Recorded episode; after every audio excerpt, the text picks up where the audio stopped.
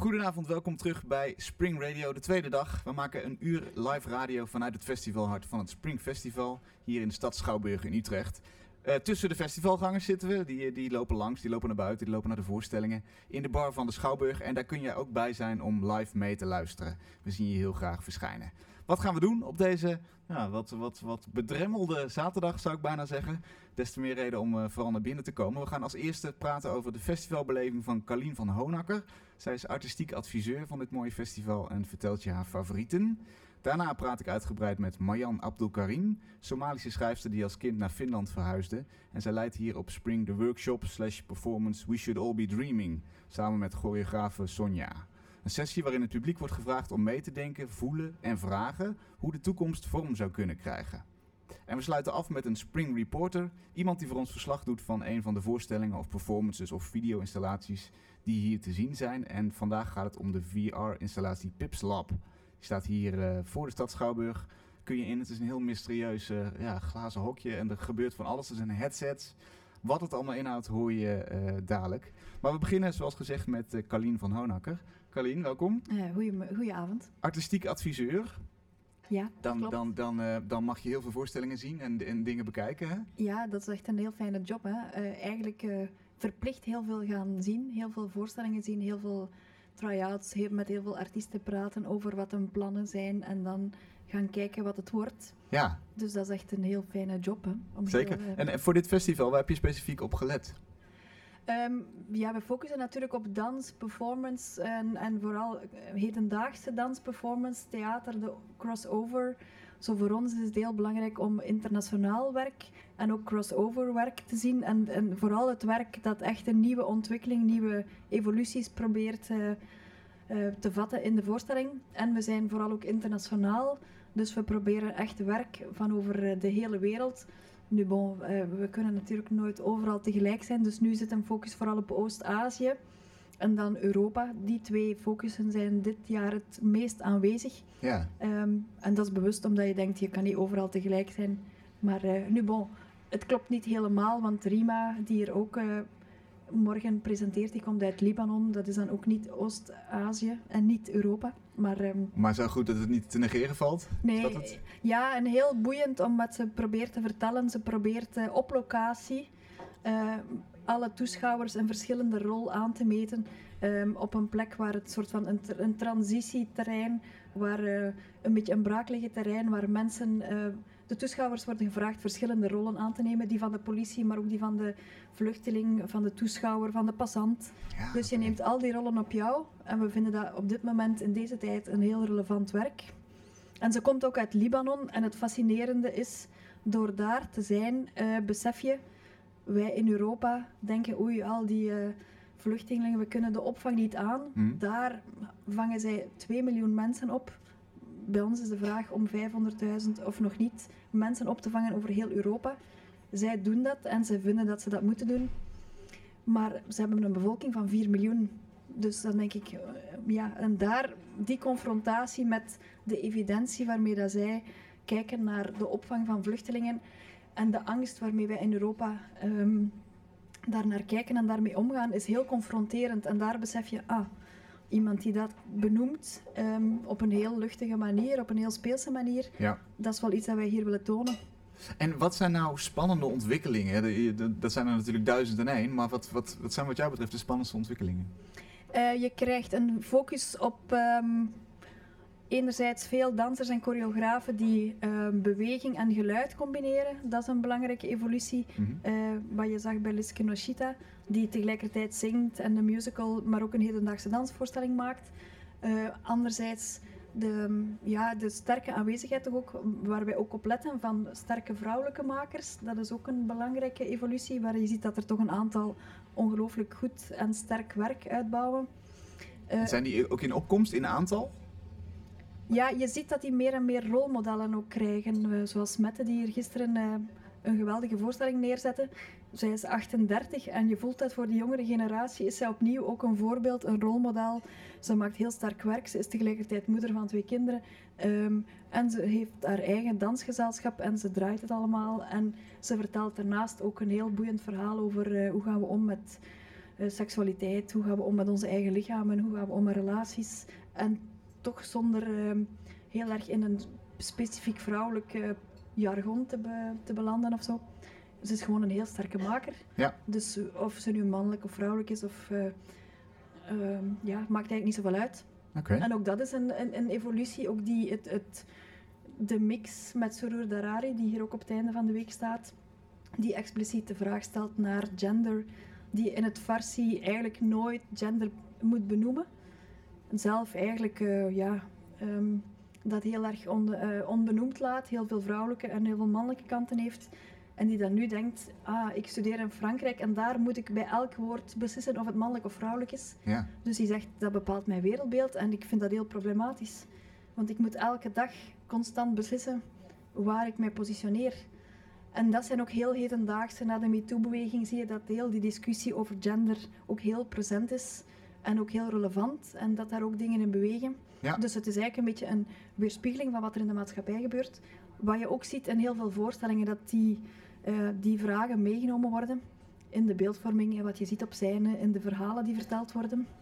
Eh, Marianne, die je straks hebt, die, dat zit ook in die problematiek of in de vragen die gesteld worden rond gender, achtergrond, kleur. eh, wat betekent dat? Maar zij kan je daar straks nog veel meer over vertellen. Uiteraard, uiteraard. Ehm, slotvraag. Het zijn natuurlijk allemaal je kindjes, maar, maar waar, waar kijk je het meest naar uit de komende dagen? Welke, welke voorstelling, performance, installatie? Ehm, ik kijk heel erg uit naar eh, In Many Hands. Ik heb dat ehm, een paar, ja, bij de première gezien en nu staat dat hier. Het is een heel tactiele voorstelling. Het is eigenlijk meer een ervaring dan een voorstelling. Eh, Wat houdt het in, een tactiele voorstelling? Gaan we dingen aanraken? ja, letterlijk. Eh, Eigenlijk neemt ze jou mee op een parcours van heel veel materialen aan, aanraken. En het wordt zo een reflectie over hoe gaan we om met het materiaal, met de wereld, met de aarde. Dus het wordt eigenlijk vanuit een heel praktische, ik hou een stuk hout vast of een stuk eh, dons of een veertje. En hoe voelt dat? Komt, wordt het een reflectie over hoe gaan we om met de wereld die ons omringt. En hoe gaan we om met de mensen naast ons, want je geeft het door. Dus je raakt de hand aan van een persoon die naast jou zit, een onbekende. En hoe ga je daarmee in contact? En hoe kunnen we dat samen delen? Onze zorg voor de planeet eigenlijk. Okido. Wanneer kunnen we dit zien? Jullie kunnen dat vandaag, en, ehm, vandaag nog zien en morgen ook twee keer. Eén keer in de namiddag en één keer om half acht. Super. Dankjewel. Eh Graag Carlien, jij, jij komt later weer terug, hè? Ik kom nog terug, morgen niet ben ik er deze, weer. Precies, niet in deze voorstelling, maar morgen wel. Oké, Heel graag tot morgen. Fijne avond. Dankjewel. En dan gaan we nu verder naar mijn hoofdgast van vanavond. Dat is Marjan Abdelkarim. Um, please come to, uh, to your seat. I will, I will continue in English because, um, uh, well, you, you were all, all the way from Finland here. So together with the Finnish choreographer Sonya Lindfors, you offer an experience that is on the intersection of a lecture, public dialogue and performance. As a member of the audience, you are invited to make a group effort to think, move and ask questions. Maryan, welcome. Thank you. Hi. Nice to have you here. Uh, please, please uh, crawl into the microphone. Yes, ke- All right. keep it very close on Yeah. advice of our technicians. Um, in We Should All Be Dreaming, uh, the audience is invited to dream together. First of all, what kind of a place is the, the dream world that you invite the audience in? Well, a dream can be interpreted in many different ways. So we're interested in a specific kind of dreaming, kind of having a vision for what could actually be instead of what currently is. Mhm. So if you look at the world today, you could say that someone somewhere once had a vision they start realizing that vision. And as a result of that vision and more and more people joining in on it, the world is as it is and certain systems are managing how we are in relation to each other, in relation to nature, and so on. So we are interested in a dreaming that can maybe grow from one individual to another, to a group, more groups, more and more people. That could be a common dream where there would be no oppression and where we could actually see the future as a kind of utopia that would be positive for all of us instead of the dystopia that it's often described as that you know the world's coming to an end and we should all just run away to the outer space and look for new ways of living there it, it doesn't have to go that way Okay, so it's a big ambition. It starts with a, with, with a grassroots idea, maybe, Mm. uh, and it, and it, it, there's a utopian end to it. That is the idea. Okay. Yeah. And um, what what kind of a world? Because in the uh, well, it's, it's hard to describe it in one word. But, but lecture session, how do you call it? Your the It's a lecture performance. lecture performance. I like that. Okay, so um, there are um, are there circumstances in this dream world that, that we that we step in together as an audience? The restrictions, maybe? Yeah, no. No, not really. How do you describe it? Drew? It can be for anyone what they need, Mhm. what they want it to be, but then there are certain realities, of course, certain systems that we have to deal with, certain historical structures. So, in a sense, we try to create a space where we are aware of the historical structures that inform us today, but then somehow take a step from there to something else. And it's kind of a beginning, so yeah. And why do you think it's so important to, to dream collectively? Because well, we're used to dreaming on our own. In, uh, you know? And where has that gotten us? Huh? Where has that gotten us? Yeah, to the to the current state of society. And like, you know, how do we see the current state of society? Like, are you happy today in how the world around you operates? Well, yes and no. It Okay. depends What elements of it are you happy with? What makes you happy in the world today, in the Europe that we live in today? Pooh, there are many uh, many things actually. Okay, name a couple, just as a curiosity. Yeah. Uh, well, it's that's uh, that's uh, uh, I'd say the the welfare state that most of us are living in in the Netherlands, Okay. so to say. Uh, well, the development opportunities. And are these opportunities available for everyone? On equal Mm, terms, No, not that on equal terms. No. If you're born to a family, let's say, where the parents are not highly educated, or you are born with some disability or something that the society sees as a disability, yeah, do you have access to same opportunities? not the same, not in the same amount. Yeah. So the idea is that none of us is truly free until we're all free. So if you look at, for example, welfare states like Finland, where I currently live, or you look at the Netherlands, we can say that for a lot of people the system works, but then there are also a lot of people that the system doesn't work for. And one historic minority group in Europe is, for example, the Roma, and I believe there are some of them living here in the Netherlands as well. hmm So if you compare your living conditions to the Roma as a community and the community you represent, would you say that you are equal in how the society treats you, in your opportunities to move around freely, to have uh, independent income, etc.? Probably not. Yeah. So, and that is a problem. And the thing is that if you only look at the world through the opportunities that it gives you, hmm you fail to see the hindrances that it poses to others. And even what is like bigger than that is at the moment we're dealing with some huge environmental catastrophes. Mhm. Like when you look at the global warming, I feel like we can't afford to maintain the system as it has been so far because we're now talking about the survival of the entire planet and everything that's on it. So we kind of have to start thinking beyond race relations, beyond groups. And that means that we can't afford to treat one group worse than the other, but kind of to find a way where we can all work together collectively in finding answers on how we can uh, have a utopia instead of the dystopia that can actually be realized if we continue on this track that we're on now. And that starts with with a collective dream. You would say. It starts with dreaming of dreaming. With the sorry. It starts with dreaming of dreaming. Like, how can we dream if we don't have the tools for it yet? So we start to dream about the ability, the possibility, the conditions that we Mhm. can dream in. Yeah.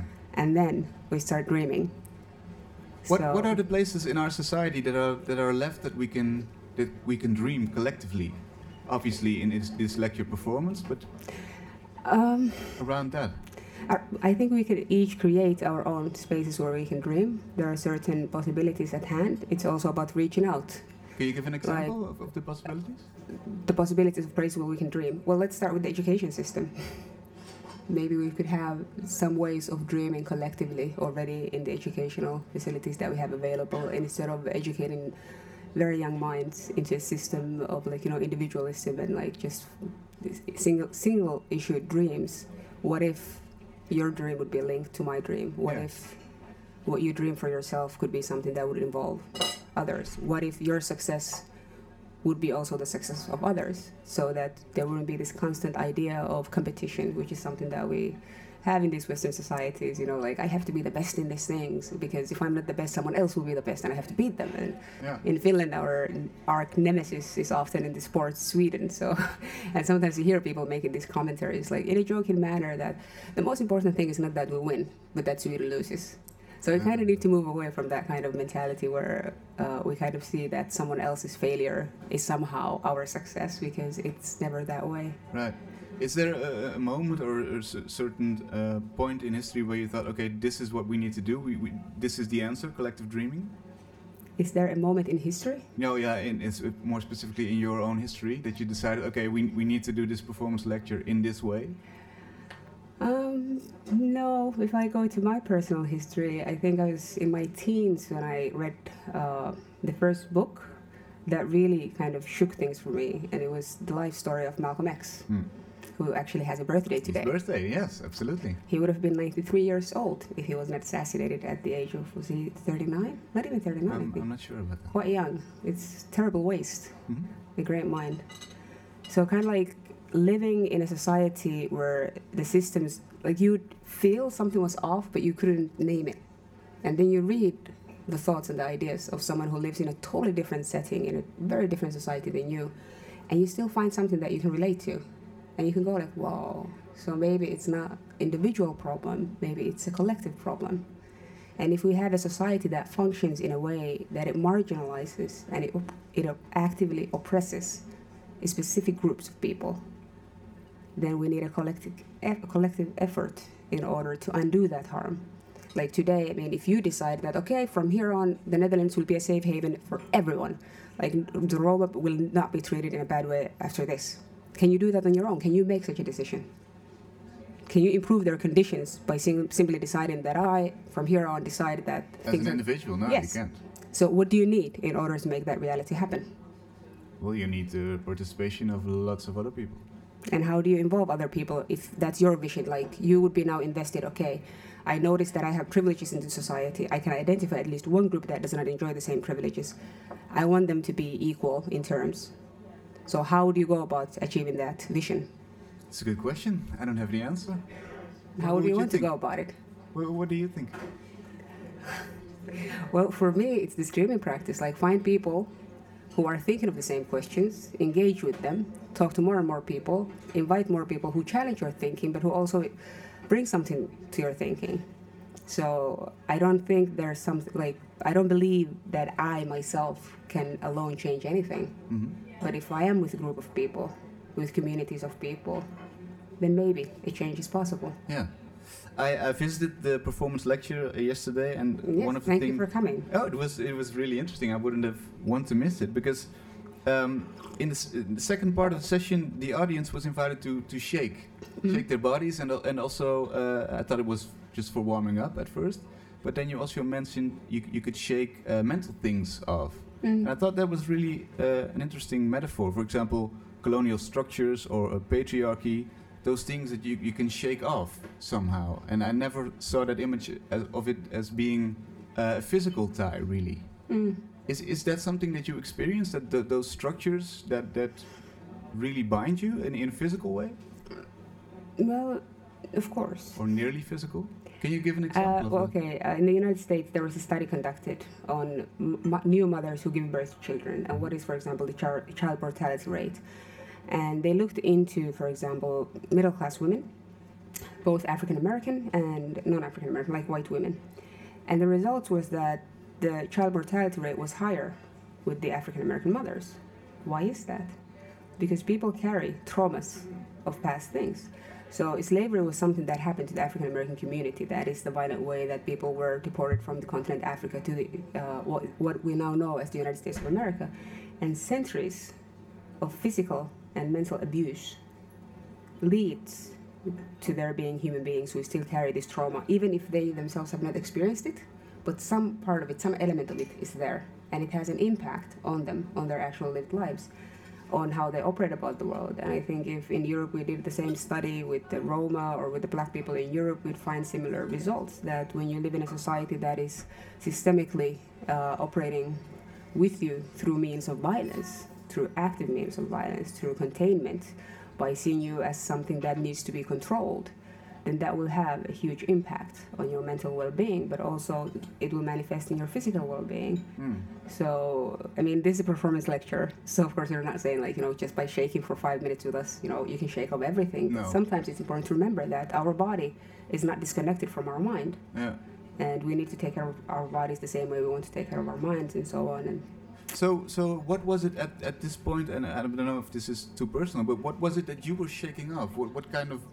It is too personal. Sorry, It is too too personal, you. Yeah. But what did you shake off? Now that's the important thing I'm, I was getting to. I, I realized that because I'm very privileged, I, I didn't, I never thought of structures that, that were binding me.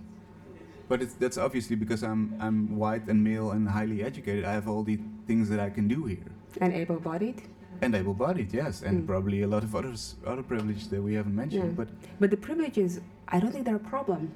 You having these uh, privileges, it's a good thing. hmm? It's not that you know the the ideal situation would not be to strip you of all your privileges. The ideal situation would be that someone who was born into a body that, for example, not as able as your body, or someone who doesn't have as high education as you, would still be treated as a human being Yeah. in this society. And that is something that I also thought was very interesting. You mentioned a theory that says some people are acknowledged as human beings and some are not. Yeah, it's based on Frantz Fanon's work and uh, Ramon Grosfoguel. Um, when they talk about racism and the very structure of racism, how it goes along the line of who's human and who's not. And they further go on that there can be two zones that are named. One is the zone of non-being, and then there's the zone of being. And in the zone of non-being, people are dehumanized. Their humanity is removed from them, so they're not treated as human beings and those in the zone of being, their humanity is recognized. But then there can still be oppression within the zone of being. So you can be a white person living in the Netherlands uh, who has nationality here, but if you are a woman, or you are part of a sexual minority, or you are living with a disability, or you are poor, then there are certain oppressions that come your way Right. that you have no power over. So it's not to say that you know if you're white that you're super privileged that you know nothing can touch you. Of course things can touch you because we live in a hierarchical system Yeah. where the norm, the normal is the male. Who would you say in, in our contemporary society is in the zone of not being? Do you have an example of that? Mm. Well, with everything that is happening in the EU at the moment, with the immigration policies, I think it's really easy just by checking out the news to see who is not considered human beings. A lot of them uh, die on their way here, trying to make it to Europe. Refugees, a mean? lot of people who come from continent Africa predominantly. There are a lot of black people who uh, who are trying to make their way to find some kind of refuge. And the way Europe today deals with them is a testament to who is human and who is not. And it's on our news on daily basis, I believe here in the Netherlands as well, because in Finland we read these news, there are these articles, and the fact that there is no political will to stop this is a testament to who is considered by our political leadership human and who is not.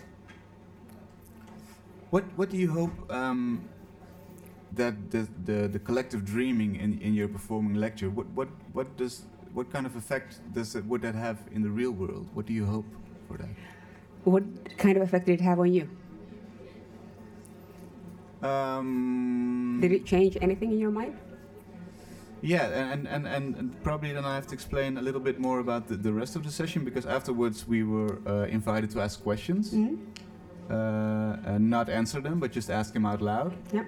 Um, and at that point, I thought, okay, there are some interesting questions, but th- there's also a lot of them, and they're not really answered in, in any specific way. Mm. So I found that uh, it sort of uh, uh, struck me. Um, I don't know. I just I just couldn't. I had an overload of too many difficult questions, resulting in the fact that I didn't really do a lot. How do you? So, how do you feel after that? Like, did it have any impact on you? Are you thinking in any way on any issue differently now than you were yesterday before you came to the show? Uh, yeah, sure. Well, as I as I mentioned, uh, the, the the the physical ties of that, that structures can can have on you can, can Mm. bind you. That's one thing that I that I found interesting. Um, but it, it it did make me wonder. Sh- wouldn't it be better to focus on one point or certain points, or how I think feel about like in art in general, like everyone can take away what they need. Yeah. And listening to you, I feel like you maybe got something from there that Sure. you didn't maybe even know that you needed. And for someone else, it might be something else that they got out of it. Yeah. And talking to some of the visitors, it differs. Like, what is the person's own experiences? What are their thoughts? Where are they in life? All of that comes into play. So once they leave, like, what do they have to take away from that? Depends on that. But if it makes you question anything in your life, or it make, gives you one thought that has the potential of improving uh, the conditions in which we live, or how you relate to other human beings, then already that's something that is very big Yeah. uh, as a result of a 40, 50 minute performance lecture. I mean, it's not like, you know, it's not enough time to change the world or truly shake the struggle, the structures, but it's a beginning. Mhm. What What did you remember from, for example, last night? What are things that you took home with you? Mm, from the performance, Mhm. there are a lot of questions, and of course, in the mind, you tend to think like the question part where people are asking questions. There are questions that are asked by me, but then there are questions that come from the audience, my colleagues, and some of them linger in your head. Which one? Can you give an example? Not really, because there are quite a few questions that linger, but like, well, okay, there's one. Uh, time. What is time? And is time like linear or is it circular? And when you start thinking about that, like, are we going from point A to point B, or are we just going perhaps in a circle? And what could that mean? So, yeah, it's interesting to allow your mind to ponder. And I think something that happens with some people is that if you're very actively in your head and you're constantly trying to answer to a question and you don't allow yourself this space to just be like, okay, I'm just gonna relax and I'm gonna see where my thoughts take me. Then that can also be something that will maybe limit how much you can walk away with. Yeah. But but um, isn't it interesting that that if you would have um, I'm just I'm just ref- reflecting on the, the shape of the performance mm-hmm. lecture, so to say. So so if, if you could argue together on this this matter of time, don't you think it would have more effect on you? Because now it's just it's just a question that's that's dropped somewhere, mm-hmm. but it's also easy to leave it there, because it just it's just touched upon and that's it. Mm.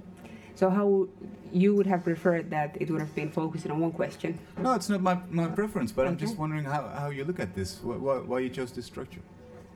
Well, we wanted to leave more questions than answers and to create a space where you can kind of like start on this dreaming practice and just think like, okay, now there's a group of people here. There are these questions that arise. We don't have to solve anything now. Hmm. Because, like, for myself as an activist, uh, there's a lot of reactionary things happening. Like, something bad happens, then there's, you know, someone from the media like, hey, what do you think of this? What do you think of that? And you have to always be in this reactionary mode where you solve the problems Hmm. where you have solutions because you know if you say that you're an activist or a feminist you can't go and talk about these issues that are problematic in our society and not offer a solution so it's not enough that i say that okay so we have uh, sexism and it's really bad because you know your question would be what can we do about it Hmm. so you're always in this mode where you have to like you know solve things solve things give answers like you know produce answers but it doesn't have to be that way. Sometimes you can just be like, okay, maybe I don't have the answer. Maybe someone else has the answer. Maybe it's not relevant right now to create an answer, but just to create a way of dreaming and thinking. Yeah. And do you think that's that's a function of art also, to, to maybe not necessarily provide answers? Art is anything we make it. I mean, yeah. And what do you make of art? If you say art is anything we make it, what's your what's your ambition or what's your your vision about it? As an activist, Sorry, as, as an, an activist, uh, as the person you are. I don't I don't know which which label you would want to put on the front. I think for me, a lot of the people that I know who are in the art field, like I don't necessarily consider myself as an artist. I mean, I'm a writer. If you consider writing art, then yeah, perhaps. But art is something that gives me an immense hope. Like the creativity of it, the tempo of it, the way it manifests itself in so many var- like various ways. So I guess I see a lot of hope in art and in collaborating with artists like Sonya Lindfors, with whom I'm working on this piece, or Balna Feodorov, with whom I work in Finland. So yeah, I would say yeah, art is something that gives you hope in a world that can be sometimes very hard and very pragmatic. hmm So it's a step away from that kind of notion. Yeah. Yeah, that's interesting. So, so it's a sort of parallel, um, parallel field next to activism, or, or In a sense, but then it's like, yeah, where does one end and the other one begins? And like a lot of artists are also activists, Mhm. or they're labeled activists because their art deals with social uh, realities. Right. So how do you define art? How do you define activism? It becomes kind of problematic to kind of go like, okay, so this is the border, and if you cross this line, then boom, you become an activist. yeah, You lose your license to operate as an artist. yeah, Or if you cross this line here, then you're no longer an activist; you become an artist. So which is weird because in in persons it's it's never that separated. I mean, you you you're you're a person and you have all these different elements to it, right? Mhm. But yet again, we tend to use labels a lot, like when it comes to ethnic background, or it comes to faith, or it comes to our genders. It's like a lot of times you see that these labels that are given from the outside have a role in the social construct in which we operate. So, for example, like you know, um, there are leaders, and then there are female leaders. Like, where does the female come Yeah. into? Why like, is it important? yeah, why would you need to define someone as a female leader if you didn't think that the gender is significant in letting people know that there's something else you need to know about this leader? Mm. So, How would you? Um, I'm, I'm sorry to ask you for for for an answer, but how uh, would you say? we can just talk. I mean, you don't have to go after answers. No, no, but I like the answers because we, we, that's where we want to go, right? We, we want to improve, I'd say, and and, and Or uh, maybe we just want to have a moment where we talk together about things that happen Yeah. and things that don't happen.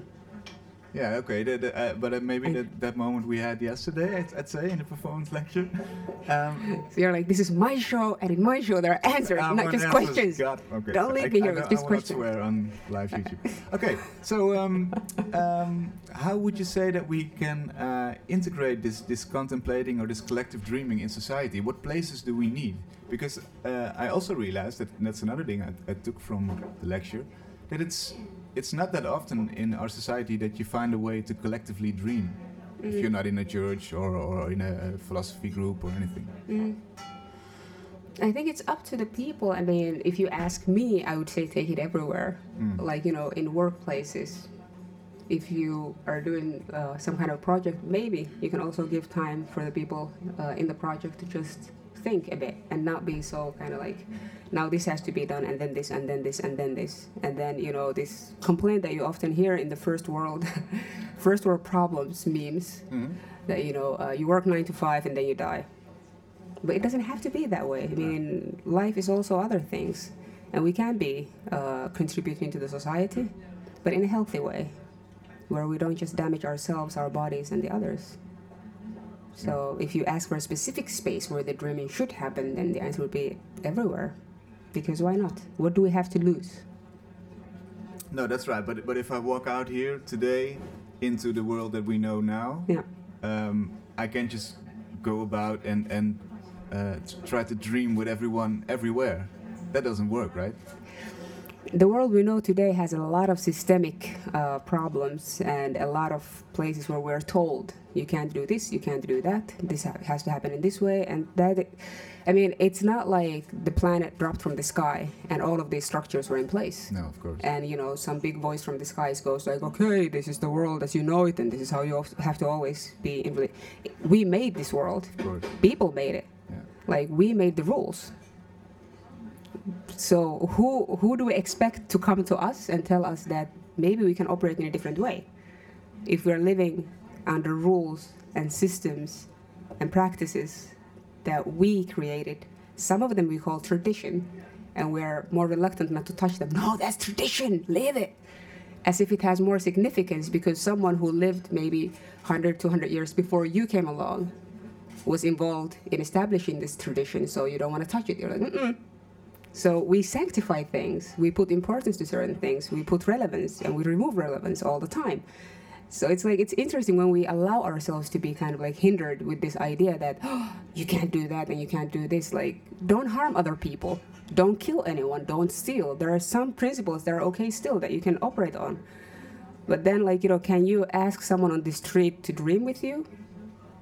I mean, if you're not harassing them, you have to be careful with some things. Like, you know, if, if you're doing it from a genuine need to just, like, you know, hey, you're a human being, I'm a human being. I was, what, if you have five minutes, can we talk about dreaming? Have you Why ever had can't you such do a- that? Have you ever had such a such a, a conversation here out on the street? In Utrecht? Yeah, or, or Well, it was anywhere in the planned. Yeah, I mean, it was planned, but yes, yes, I have talked to people, I have contacted people just to say, like, you know, hey, would you like to have a moment uh, to sit down and talk and talk about dreaming? And people are often very like, you know, yeah, sure, why not? I mean, they don't think immediately that you're a creep or you're somehow, you know, weird human being for approaching these issues. As long as you keep on smiling while asking them. Not necessarily. No, I don't think smiling is necessary. Okay. No. Just just the intention of, of connecting. Yeah.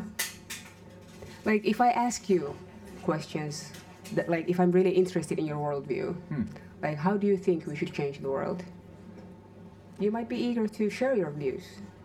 That's true, but but uh, the, the reason that we're talking now is because we created this setting. But if I'm in the train and someone is, is sitting uh, opposite of me and, and uh, suddenly tells me that he's interested in my worldview, I think that that would be a big step. It depends on the person. I've had a lot of conversations with public transportation that have not ended awkwardly. But then again, you know, someone approaches you through something like, you know, uh, something that has to do with your looks or your ethnicity, to exotic somehow like you know look at you through exotic lens, then that's like, hmm, no. Like if you're interested in my thoughts as a human being, sure. Hmm. But if you want to somehow fulfill a curiosity that you have of an imagination of me that you have in your head, I'm not here to cater to that. Yeah, yeah, yeah, exactly. So it's, So it's based on mutual respect and, Yeah. and interest. And that's what we need to kind of like see one another on a mutual platform where we can have these conversations. Yeah. Um, there, there's going to be another performing lecture. Do you, do you have any thoughts in your head right now that you that you will want to share in that session? Any any questions or? Um, it's been a long day. We've had two sessions today. They're having two tomorrow. So, yeah, maybe not at the moment. It really depends on what's what's what's uh, coming into your mind at the time. Like, I feel like I need to kind of allow the thoughts to settle. Mhm. Like, now the show ended, I had a short break, then I was coming here. And kind of to give myself time to contemplate on these questions. And Yeah. then hopefully tomorrow, fresh eyes and some rest and go into the next questions. Right. So how did you um, uh, cooperate with Sonya? Because th- she comes from a really uh, physical way of, of, of dealing with matter, I'd say, and you for you it's maybe more intellectually or or not. I mean that's that's what I'm filling in right now, but I think that's that's a, it's it's an interesting combination. I thought we were going to start with that story, but you come to it towards the end. Yeah. Uh, so I don't really, um, I've never seen a modern dance performance until a few years ago. And the first show that I saw was a show called Noir. And it dealt with black artists, black people on the like dance floor, black bodies, and these histories. And I went to see it, and I was like, oh my god, like what is this? It was amazing. It felt like a spiritual experience even. And it was Sonya's piece. It was written and directed by Sonya Lindfors. And I was like, I need to talk to this person. Like, you know, who are you? Like, what is this? Because there are so many things that you could recognize from that and take away. And it had a really big impact on me. So we got in touch and started talking and having these conversations and then collaborating. And that kind of led to us coming here. But like, when you say that Sonya comes from this practice, like her profession is a choreographer, so yes, uh, she deals a lot with the body, and that is a practice within which she is. But then uh, you can't really have this physical relationship on the stage without having also the mental like it, those two are not separated in a sense so there are a lot of thinking that goes into the processes of how do you deal with the physical Right. so you know um, Were there any surprises in, in, in your cooperation when, when it comes to that? No, I don't know, not surprises, but like it has allowed me to grow a lot as a thinker, In what way? as a like having someone to conversate with, exchange ideas, and kind of like in a sense grow. And even like the dreaming practice, I mean, I'm so rooted in activism myself, and it's always like you know there's this struggle and there's this and this and this happening. And Sonya was the person who's like, hey, come on, maybe we should just sit down and like find softer ways of dealing with this and like ah. So she's amazingly inspirational.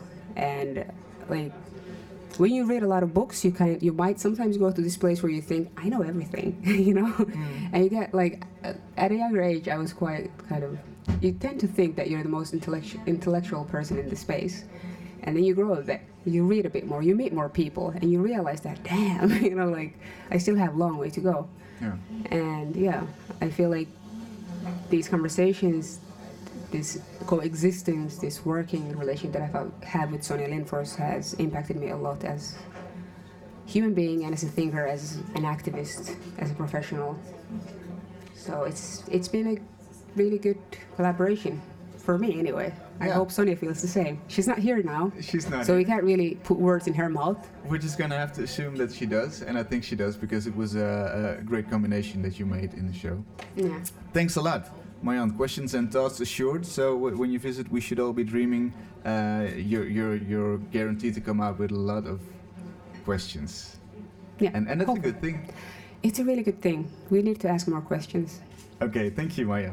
Tomorrow, um, the uh, performing lecture at, uh, at 2 and 4 o'clock. Two more left. Okay. Tickets are available through the website. Yes, give her a round of applause. Absolutely. Um, you can get the tickets through the website of Spring Utrecht or at the register here at the theater.